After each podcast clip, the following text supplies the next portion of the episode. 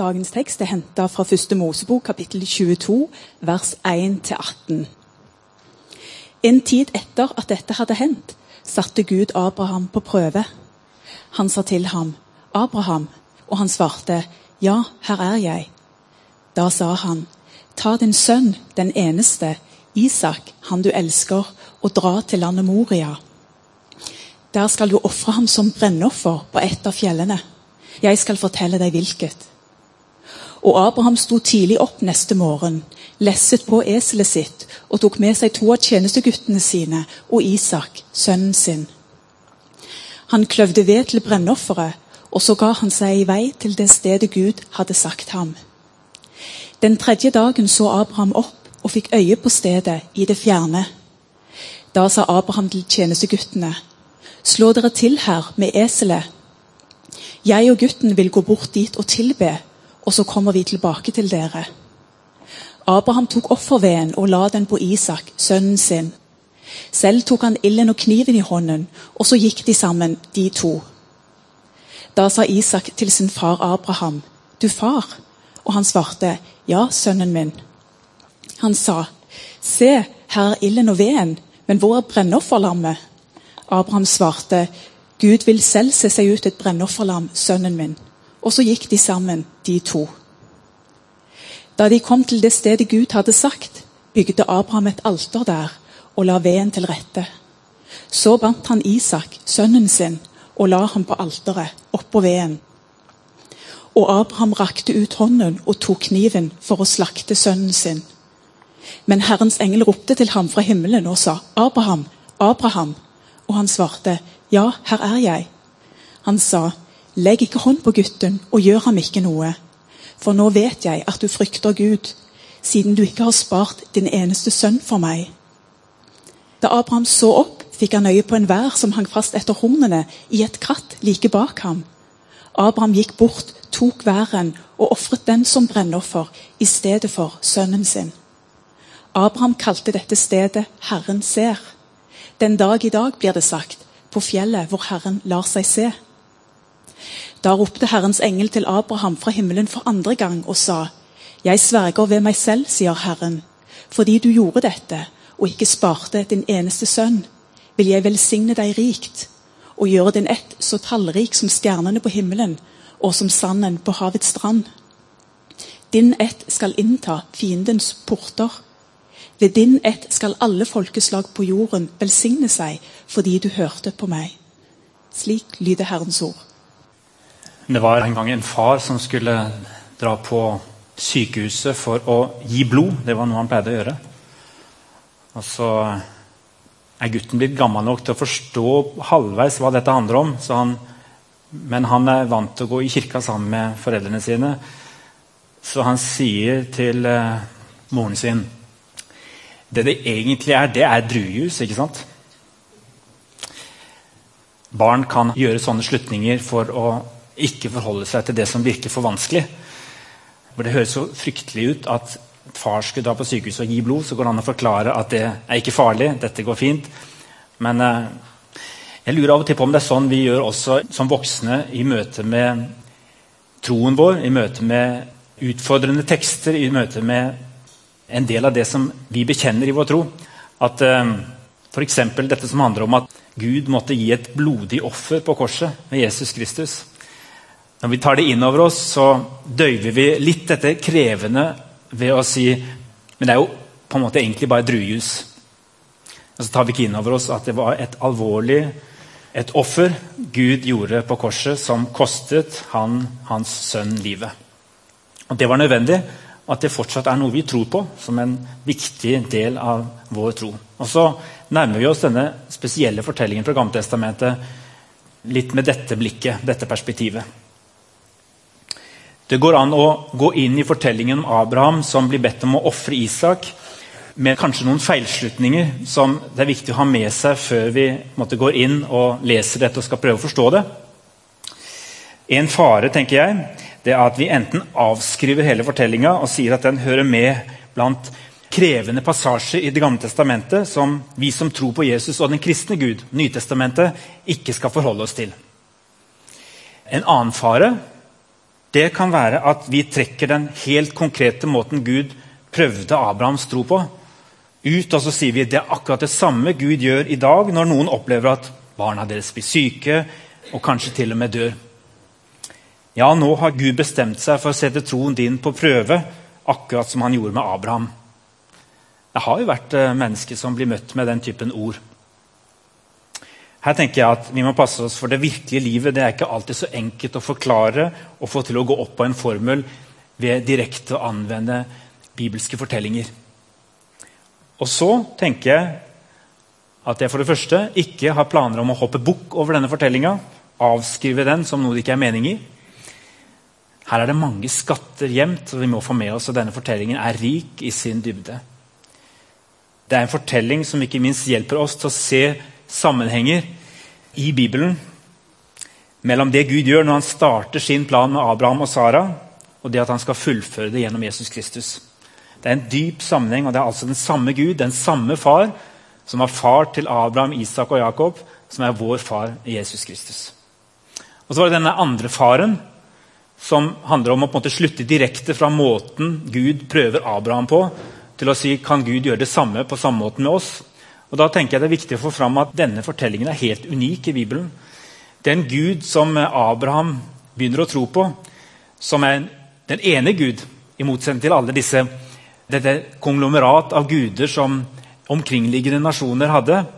Det var bare én Gud, lærte han å kjenne. Og denne Gud, det bildet som han fikk av Gud, det var ikke en Gud som skulle be han om å ofre sitt barn. Og Det får vi jo tegn på seinere i Det gamle testamentet, hvor, hvordan dette bryter med gudsbildet, gudsforståelsen. Akkurat den praksisen som var veldig vanlig ellers i samtiden. Det var spesielt en gud som heter Molok, som kananeerne dyrket. Og Noe av det som han krevde, som man lærte at han krevde, det var at man skulle ofre barn til Molok. Og Dette går Gud kraftig til rette med. Han sier i tredje Mosebok du skal ikke overlate noen av barna dine til Molok. Du skal ikke vanhellige din Guds navn. Og Så kommer Jeremia, profeten Jeremia i en fase der, der, troen på den ene Gud er blitt avsvekket, og de har begynt å også venne seg til andre guder og for sikkerhets skyld ha litt flere guder i sin portefølje. disse israelittene. Og Da må profeten tale annet til rette på dette punktet og si de bygde offerhauger for Baal i Ben Hinnomdalen for å ofre sønnene og døtrene sine til Molok. Det har jeg ikke pålagt dem. Det har aldri vært i mine tanker at de skulle gjøre noe så avskyelig og slik få Juda til å synde.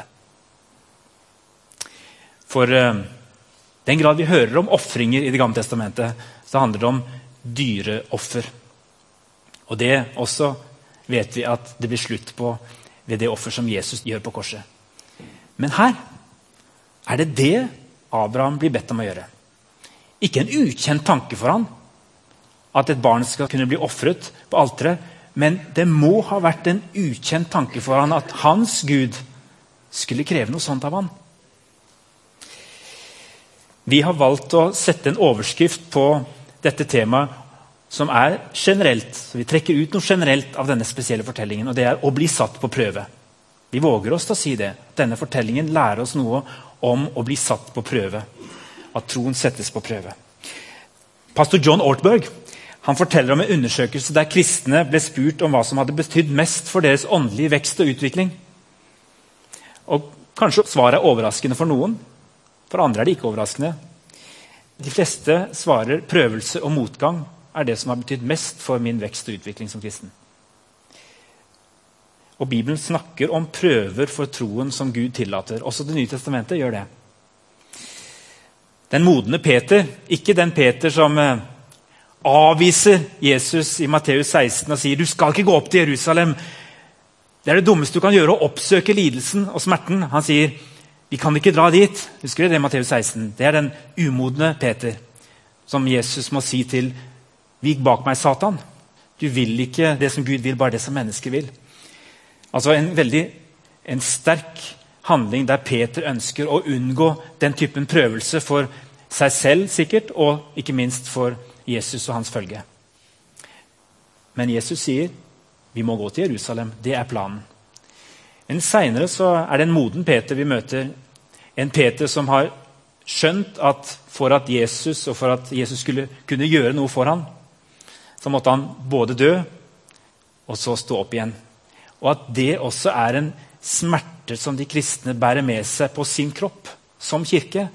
Så Derfor så sier han i 1. Peters brev mine kjære, vær ikke forundret over den ildprøven dere må gjennom, som om det hendte dere noe uventet. Gled dere jo mer dere får del i Kristi lidelser, så dere også kan juble av gleden når Han åpenbarer seg i sin herlighet. De som blir forfulgt for Jesus skyld, de klynger seg til disse tekstene. Og det var jo inn i den sammenhengen Peter også med sin modne tro taler når han prøver å beskrive hvordan kan det ha seg at vi kristne må lide og til og med dø for vår tro. Og så identifiserer han den lidelsen som kristne går gjennom, med den lidelsen som Jesus selv gikk gjennom. Og så sier han, gled dere jo mer dere får del i Kristi lidelse, så dere også kan juble av glede når han åpenbarer seg i sin herlighet. Det er ildprøven som kristne må gjennom, sier Peter. Vi vil jo helst ha et lett, ubekymret og enkelt liv. Og reklamen den lokker med at et sånt liv det er et godt liv. Og Når prøvelse kommer, så vil vi av natur aller helst flykte unna, sånn som Peter ba Jesus om å unngå veien til Jerusalem. Men Gud han kaller oss til å møte prøvelsene, og han gjør noe med oss gjennom prøvelsene. Ildprøver i livet det er noe som skjer også for den som tror på Jesus. Det gis ikke generelle svar i Bibelen om at Gud står bak, og at det alltid er en mening med alt som skjer. Men jeg tror at det går an å si når vi står midt i en ildprøve, da er det to aktører som ønsker å få oss i tale, og de har vidt forskjellige hensikter med våre liv. Gud han ønsker alltid å trekke oss nærmere ham. I den grad han har noe med prøvelsene å gjøre, så er det fordi han ønsker å trekke oss nærmere han og avhengigheten til han. Og motstanderen han ønsker å få oss bort fra troen ved å hviske sånne løgner som at troen din er for svak. Hvor er den Gud du satset alt på? Var det ikke han som lovet at livet skulle bli så bra når du valgte å overgi deg til han? Ser du? Han var ikke til å stole på likevel. Bestem selv over godt og vondt. Ta over kontrollen. Forsikre deg i egen kraft om at uh, du så langt det er mulig har kontroll på livet og tilværelsen. Ikke overgi deg til en usynlig makt som du ikke vet om vil deg det beste. Sånne prøvelser tror jeg det er to aktører med i. Gud er der, og han kan bruke prøvelsen til å trekke oss til ham. Og motstanderen han kan gjøre det motsatte. Og Spørsmålet midt i prøvelsen er hva er det jeg hviler livet mitt på? Hva er det som virkelig er der når alt annet brister? Når ytre påkjenninger, omstendigheter, treffer meg. Men jeg tror at Det er denne tros- og lydighetsprøven som Abraham og Isak Han var jo ikke bare et lite barn, han var en som kunne bære noe på ryggen. så han var nok såpass stor at han etter hvert skjønner hva som er i ferd med å skje på den turen. Abraham og Isak de utsettes for en sånn lydighetsprøve, tros- og lydighetsprøve som, som, har hatt noen av disse ingrediensene i seg. Og Noe av det kan lære oss også noe i våre liv. Og Da vil jeg bare kort tegne et lite vriss tilbake til begynnelsen av Abrahams fortelling, så vi har med oss noe av bredden i disse fortellingene før vi går videre. Abraham han var en person som ble venn av Gud i en alder av 75 år. står det. I Gamletestamentet brukes dette begrepet at uh, Gud inngikk en pakt med Abraham. Det er sånn man sa denne gangen, at man inngikk et nært vennskap, en pakt. Han går altså fra å være i et miljø preget av en tro på mange guder, og så tiltaler Gud ham og sier 'Jeg er Gud, jeg vil være din Gud'. Og så går Abraham som den første i sin familie og får med seg sin slekt på en tro der det handler om én Gud og ikke mange, som de skal følge. En ubetydelig mann fra en ubetydelig by og Gud valgte seg den mannen, og han sa, 'Jeg vil være din venn.' 'Jeg skal ta deg med til et ukjent land. Jeg skal gjøre deg til et stort folk.' 'Jeg vil velsigne deg, og ved å velsigne deg så skal også mange andre bli velsignet.' Og så sa vi noe her i formidlingen til barna tidligere i gudstjenesten at det, det må ha vært noe spesielt med Abraham og Sara sin tro. Ikke det at de var spesielt anerkjente og viktige personligheter, men de må ha vært avhengige av Gud og trodd på Han. Det var det Gud satset på. Og så er ikke alt sagt med det om Abraham. I ettertid så husker vi Abraham som en som eh, var lydig og som trodde i ett og alt. Men også Gud hadde sin vei med Abraham. Bare kort tid etter at eh, han har kommet til Kanaan, Kanan, så utsettes de for hungersnød. Og da drar de til Egypt, for der var det mulig å overleve. Men Abraham er så redd for at han skal bli drept, og at Sara skal bli tatt. Han har seg en forestilling der om at hvis de vet at Sara, hans kone, den vakre Sara, ja, så, så kommer han til å bli drept. Så Derfor så inngår de en avtale han og Sara om at de skal lyge og si at Sara er hans søster. Og når han er hans søster, så tas hun inn i hoffet, og så prostituerer hun seg i praksis. For at eh, de skal kunne leve der i Egypt. Dette går ikke så bra, og de sender seg av gårde når det blir klart at hun er hans kone. Et eh, glimt av noe der Abraham neppe kan ha hørt så veldig godt etter hva Gud ønsket med hans liv. En slags liten avsporing på veien. Han måtte forsikre seg om å redde livet sitt på en måte som vi i ettertid kan tenke det kan ikke ha vært riktig. Og Så kommer jo dette løftet da, som Gud ga til Abraham og Sara om at dere skal bli et stort folk. Men hvordan skulle det gå til? For Sara hun kunne jo ikke få barn, og hun var allerede blitt gammel på den tiden når de kalles ut og reiser. Og da er det jo at eh, Opptil flere ganger så besvarer Abraham og Sara dette løftet med latter. Han er ikke så veldig mye om tro og overgivelse egentlig alltid. Han har sagt jo, det skal komme et barn. Det skal komme et barn. Og Da reagerer Abraham med latter. Hvordan skulle det være mulig? Og Sara gjør det samme. Og Så snus alt dette opp ned når faktisk Isak blir født. Det utrolige skjer, det som ikke skulle kunne gå an. Og de får et barn. Og Da kaller de faktisk dette barnet for latter. Isak betyr latter. Men da er det ikke en spottende latter, men da er det den tillitsfulle, glederike latteren som ja, Men er det mulig, Gud? Du gjorde det umulige mulig. Da sa Sara, 'Gud har fått meg til å le', og alle som hører dette, kommer til å le med meg. Og hun sa, 'Hvem kunne sagt til Abraham at Sara skulle av med barn?' 'Men nå har jeg født ham en sønn på hans gamle dager.' Dette er bakteppet for den fortellingen som begynner noen få kapitler etterpå. Om eh, en Abraham og også en Sara som har fått Isak, og som kanskje er blitt en ungdom på la oss si 15-20 år. Vi vet ikke hvor gammel han var men gammel nok til å være med ut på en tredagers reise og bære en tung vedhaug på skuldrene. Så det har gått en tid. Og jeg ser for meg at eh, nå er det kommet en ny fase i denne troen som Gud prøver ut med Abraham. Hva var det Abraham trengte å prøves for? Hvem er egentlig en sånn type prøve til for? Det har jeg spurt meg. Jeg har lurt på om det handler om at Gud har behov for å teste ut om Abraham holder og så tenker jeg Gud visste jo alt på forhånd. Han visste jo at Abrahams tro ville holde. Så var det Gud som hadde et behov for å teste ut denne troen? Eller var det Abraham som hadde et behov for å gå gjennom denne prøven? For å komme til dypere erkjennelse av sin avhengighet til Gud? For jeg tror det skjer noe underveis på denne reisen, denne tredagers reisen. Der hensikten er å prøve Abrahams tro. Og denne reisen gir oss en anledning til å reflektere over noe mye dypere og større. Vi kan reflektere over en farskjærlighet som kan identifiseres med Guds egen kjærlighet og hans handlinger for oss. Og Da går vi litt inn i fortellingen og kommer med noen korte punkter.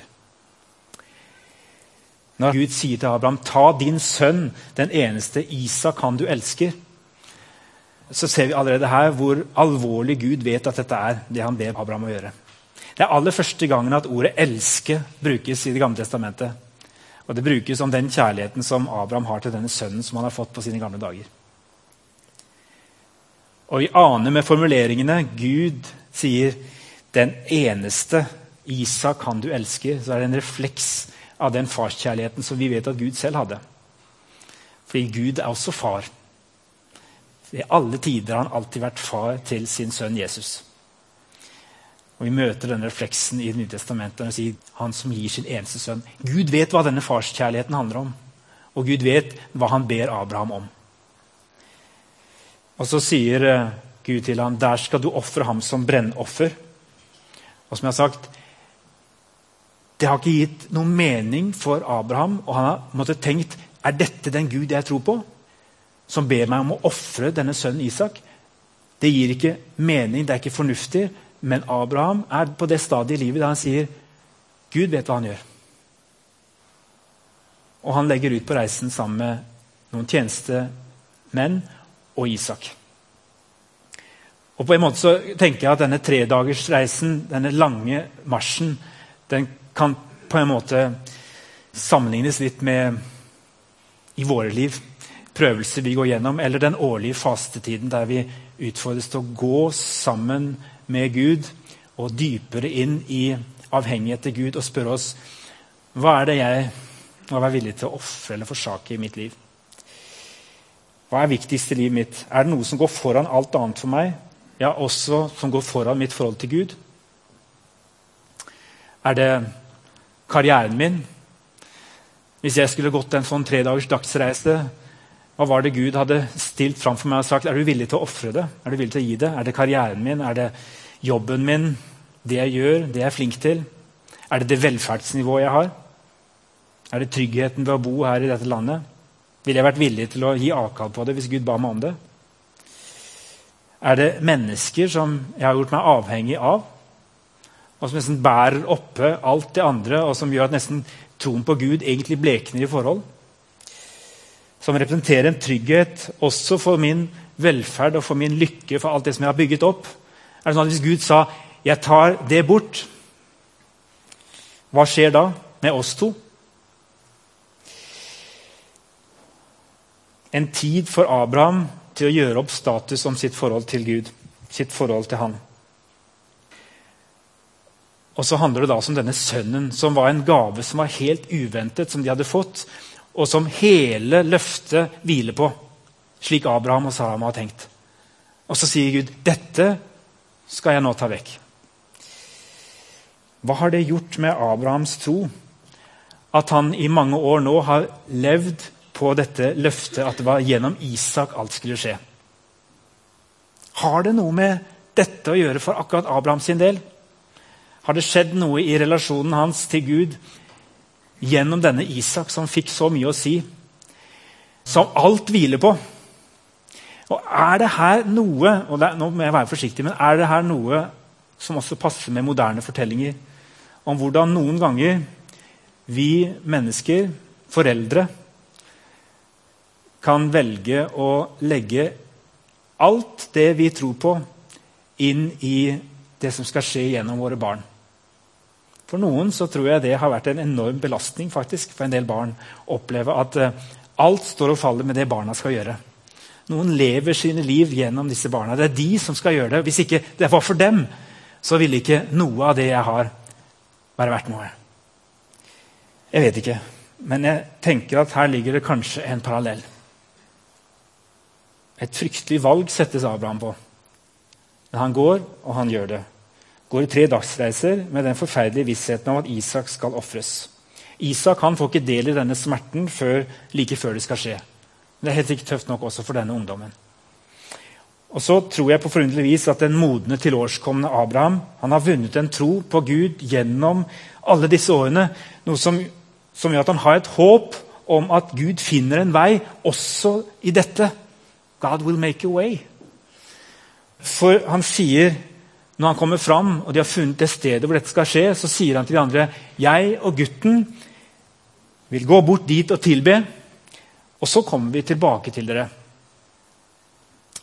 Sa han det sånn halvveis som en løgn for å skåne både Isak og de andre for det som egentlig skulle skje?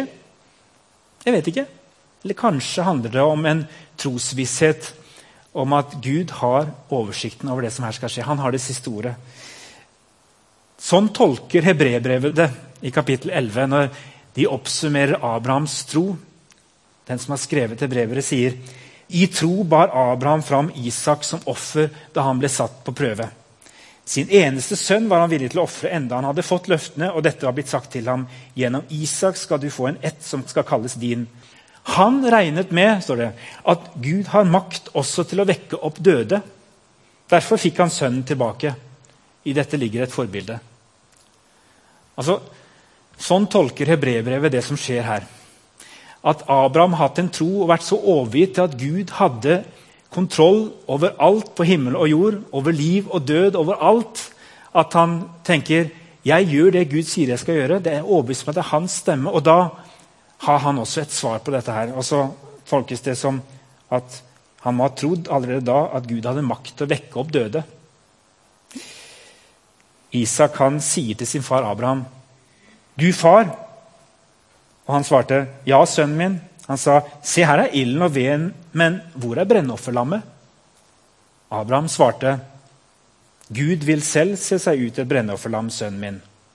Og så gikk de sammen, de to. Det er også noe av den troen som Abraham her viser. Den modne Abraham sier nå er han i ferd med å komme helt fram, og nå tror jeg Isak aner hva dette handler om. Og Likevel så sier Abraham i tro Gud vil se seg ut det offerlammet han trenger. Og Her tror jeg det, uten å være klar over det, profeten Abraham som trer fram. Jeg tenker han også var en profet. Denne ene setningen i Det gamle testamentet det er den lille Bibel i Det gamle testamentet, som blir et motstykke til Johannes 3, 16. Gud vil selv se seg ut et brennofferlam, sønnen min. Og hva var det brennofferlammet? Ja, Det var ikke den væren som eh, Abraham etterpå finner, og som han ofrer der og da. Men det ordet det sprenger rammene, for det var et lam som skulle ofres én gang. Guds lam som bærer verdens synd. Og Så kommer redningen. Han sa, 'Legg ikke hånd på gutten og gjør ham ikke noe', ropes det til han i siste liten. For nå vet jeg at du frykter Gud, siden du ikke har spart din eneste sønn for meg. Og Etterpå så stadfestes pakten mellom Abraham og hans folk. Jeg vil velsigne deg rikt og gjøre din ett så tallrik som stjernene på himmelen og som sanden på havets strand. Din ett skal innta fiendens porter. Ved din ett skal alle folkeslag på jorden velsigne seg, fordi du hørte på meg. Og der ligger på en måte denne fortellingen. Den hviler i, i løftet, og den forteller noe om en tro som gjennom de sterkeste prøvelser og gjennom det som ikke gir mening, og som ikke er fornuftig menneskelig sett, likevel er noe som Abraham kan bære ikke ved sin sterke tro, men ved troen på en som er sterk, og som har det siste ordet. Og så ser jo vi denne fortellingen fra Det nye testamentet, som jeg allerede har antydet. Og Der ligger på en måte også kraften i det som vi tar med oss inn i vårt liv, og som gjør at dette er en fortelling om Jesus Kristus. For Isak blir et motstykke til Jesus, Guds sønn. Den kristne troen ser Jesus som Gud. Treet ligger på ryggen av sønnen. Jesus ropte til sin far, men det var ingen hånd som stoppet korsfestelsen. Abraham trengte ikke å ofre annet enn enhver. Gud ofret seg selv. Det er et blodig offer. Det er ikke druejus. Det er virkelig det Gud måtte gjøre for oss. Den kristne troen ser Jesus som Gud. Det betyr at Gud han påførte ikke smerte på en annen. Og mange vil si, Hva slags gudsspill er dette med en Gud som må, må ha noe annet å bli straffet for seg? Nei, Guds plan var å selv lide den straffen. Gud sitter ikke i himmelen og ofrer sin sønn. Identifikasjonen er mye sterkere. Det er på en måte sånn at Himmelen er tom fordi Gud er den lidende Gud. Han er der på korset. Han ble menneske. Han ofrer sitt eget liv og blod, slik at han en dag kan ødelegge all ondskap uten å ødelegge oss. Det er snakk om ekte blod, det er smerte, det er tårer. Og det er noe som de forfulgte kristne kan identifisere seg med og si ja, den Gud som har lidd for oss, det er han vi fester vår lit til også gjennom våre lidelser. Og det er også slik vi kan møte våre prøvelser. Uten alltid å vite hvor de kommer fra, men å vite at Gud er der i det tyngste mørket. Han har gått inn i det aller innerste mørket for vår skyld. Og han reiser oss opp igjen fra de døde ved den kraft som han reiste Kristus opp med. Det er dette vi skal få lov til å ta med oss også inn i fastetiden fram mot påske. Og kanskje leve og fordype oss i disse dybdene i mysteriet Gud og vår avhengighet til Han. Jeg håper og ber om at ingen av dere skal måtte møte prøvelser som er større enn eh, og som vil frata dere troen. Jeg tror Gud er i stand til å bære oss alle gjennom det vi møter i livet. Enten det er en fastetid som på en måte er mer overfladisk. Vi gir avkall på noe, spør oss hva er det største. Gud spør oss kanskje gjennom andre faser av livet setter oss virkelig på prøve. Og så ber vi Gud om at gjennom det så skal vi trekkes nærmere Han, og ikke lenger ifra Han. For hans planer med oss går utover dette livet og inn i det neste. Kjære himmelske Far. Takk for at eh, når himmelen ble tom et øyeblikk fordi du, du sjøl ofret deg selv for oss på korset, så var det for at det aldri skal være tomt noe sted der vi er. Og for at vi uansett hva slags prøvelse vi går gjennom, så er du til stede og er i det mørket. Og du har seiret over sykdom, synd, alle slags omstendigheter, og du kan ta oss med inn. Og Så ber vi deg, Herre Jesus, om at uh, vi er i stand til å også reflektere over hvilke prioriteringer livet består av for oss. Inn i denne tida, inn i fastetida. Hjelp meg, Herre, til å, til å leve et liv så overgitt til deg og din allmakt og din kraft at eh, selv det dypeste mørket er fylt av lys. Fordi det er du som tar meg gjennom det. Jesu navn. Amen.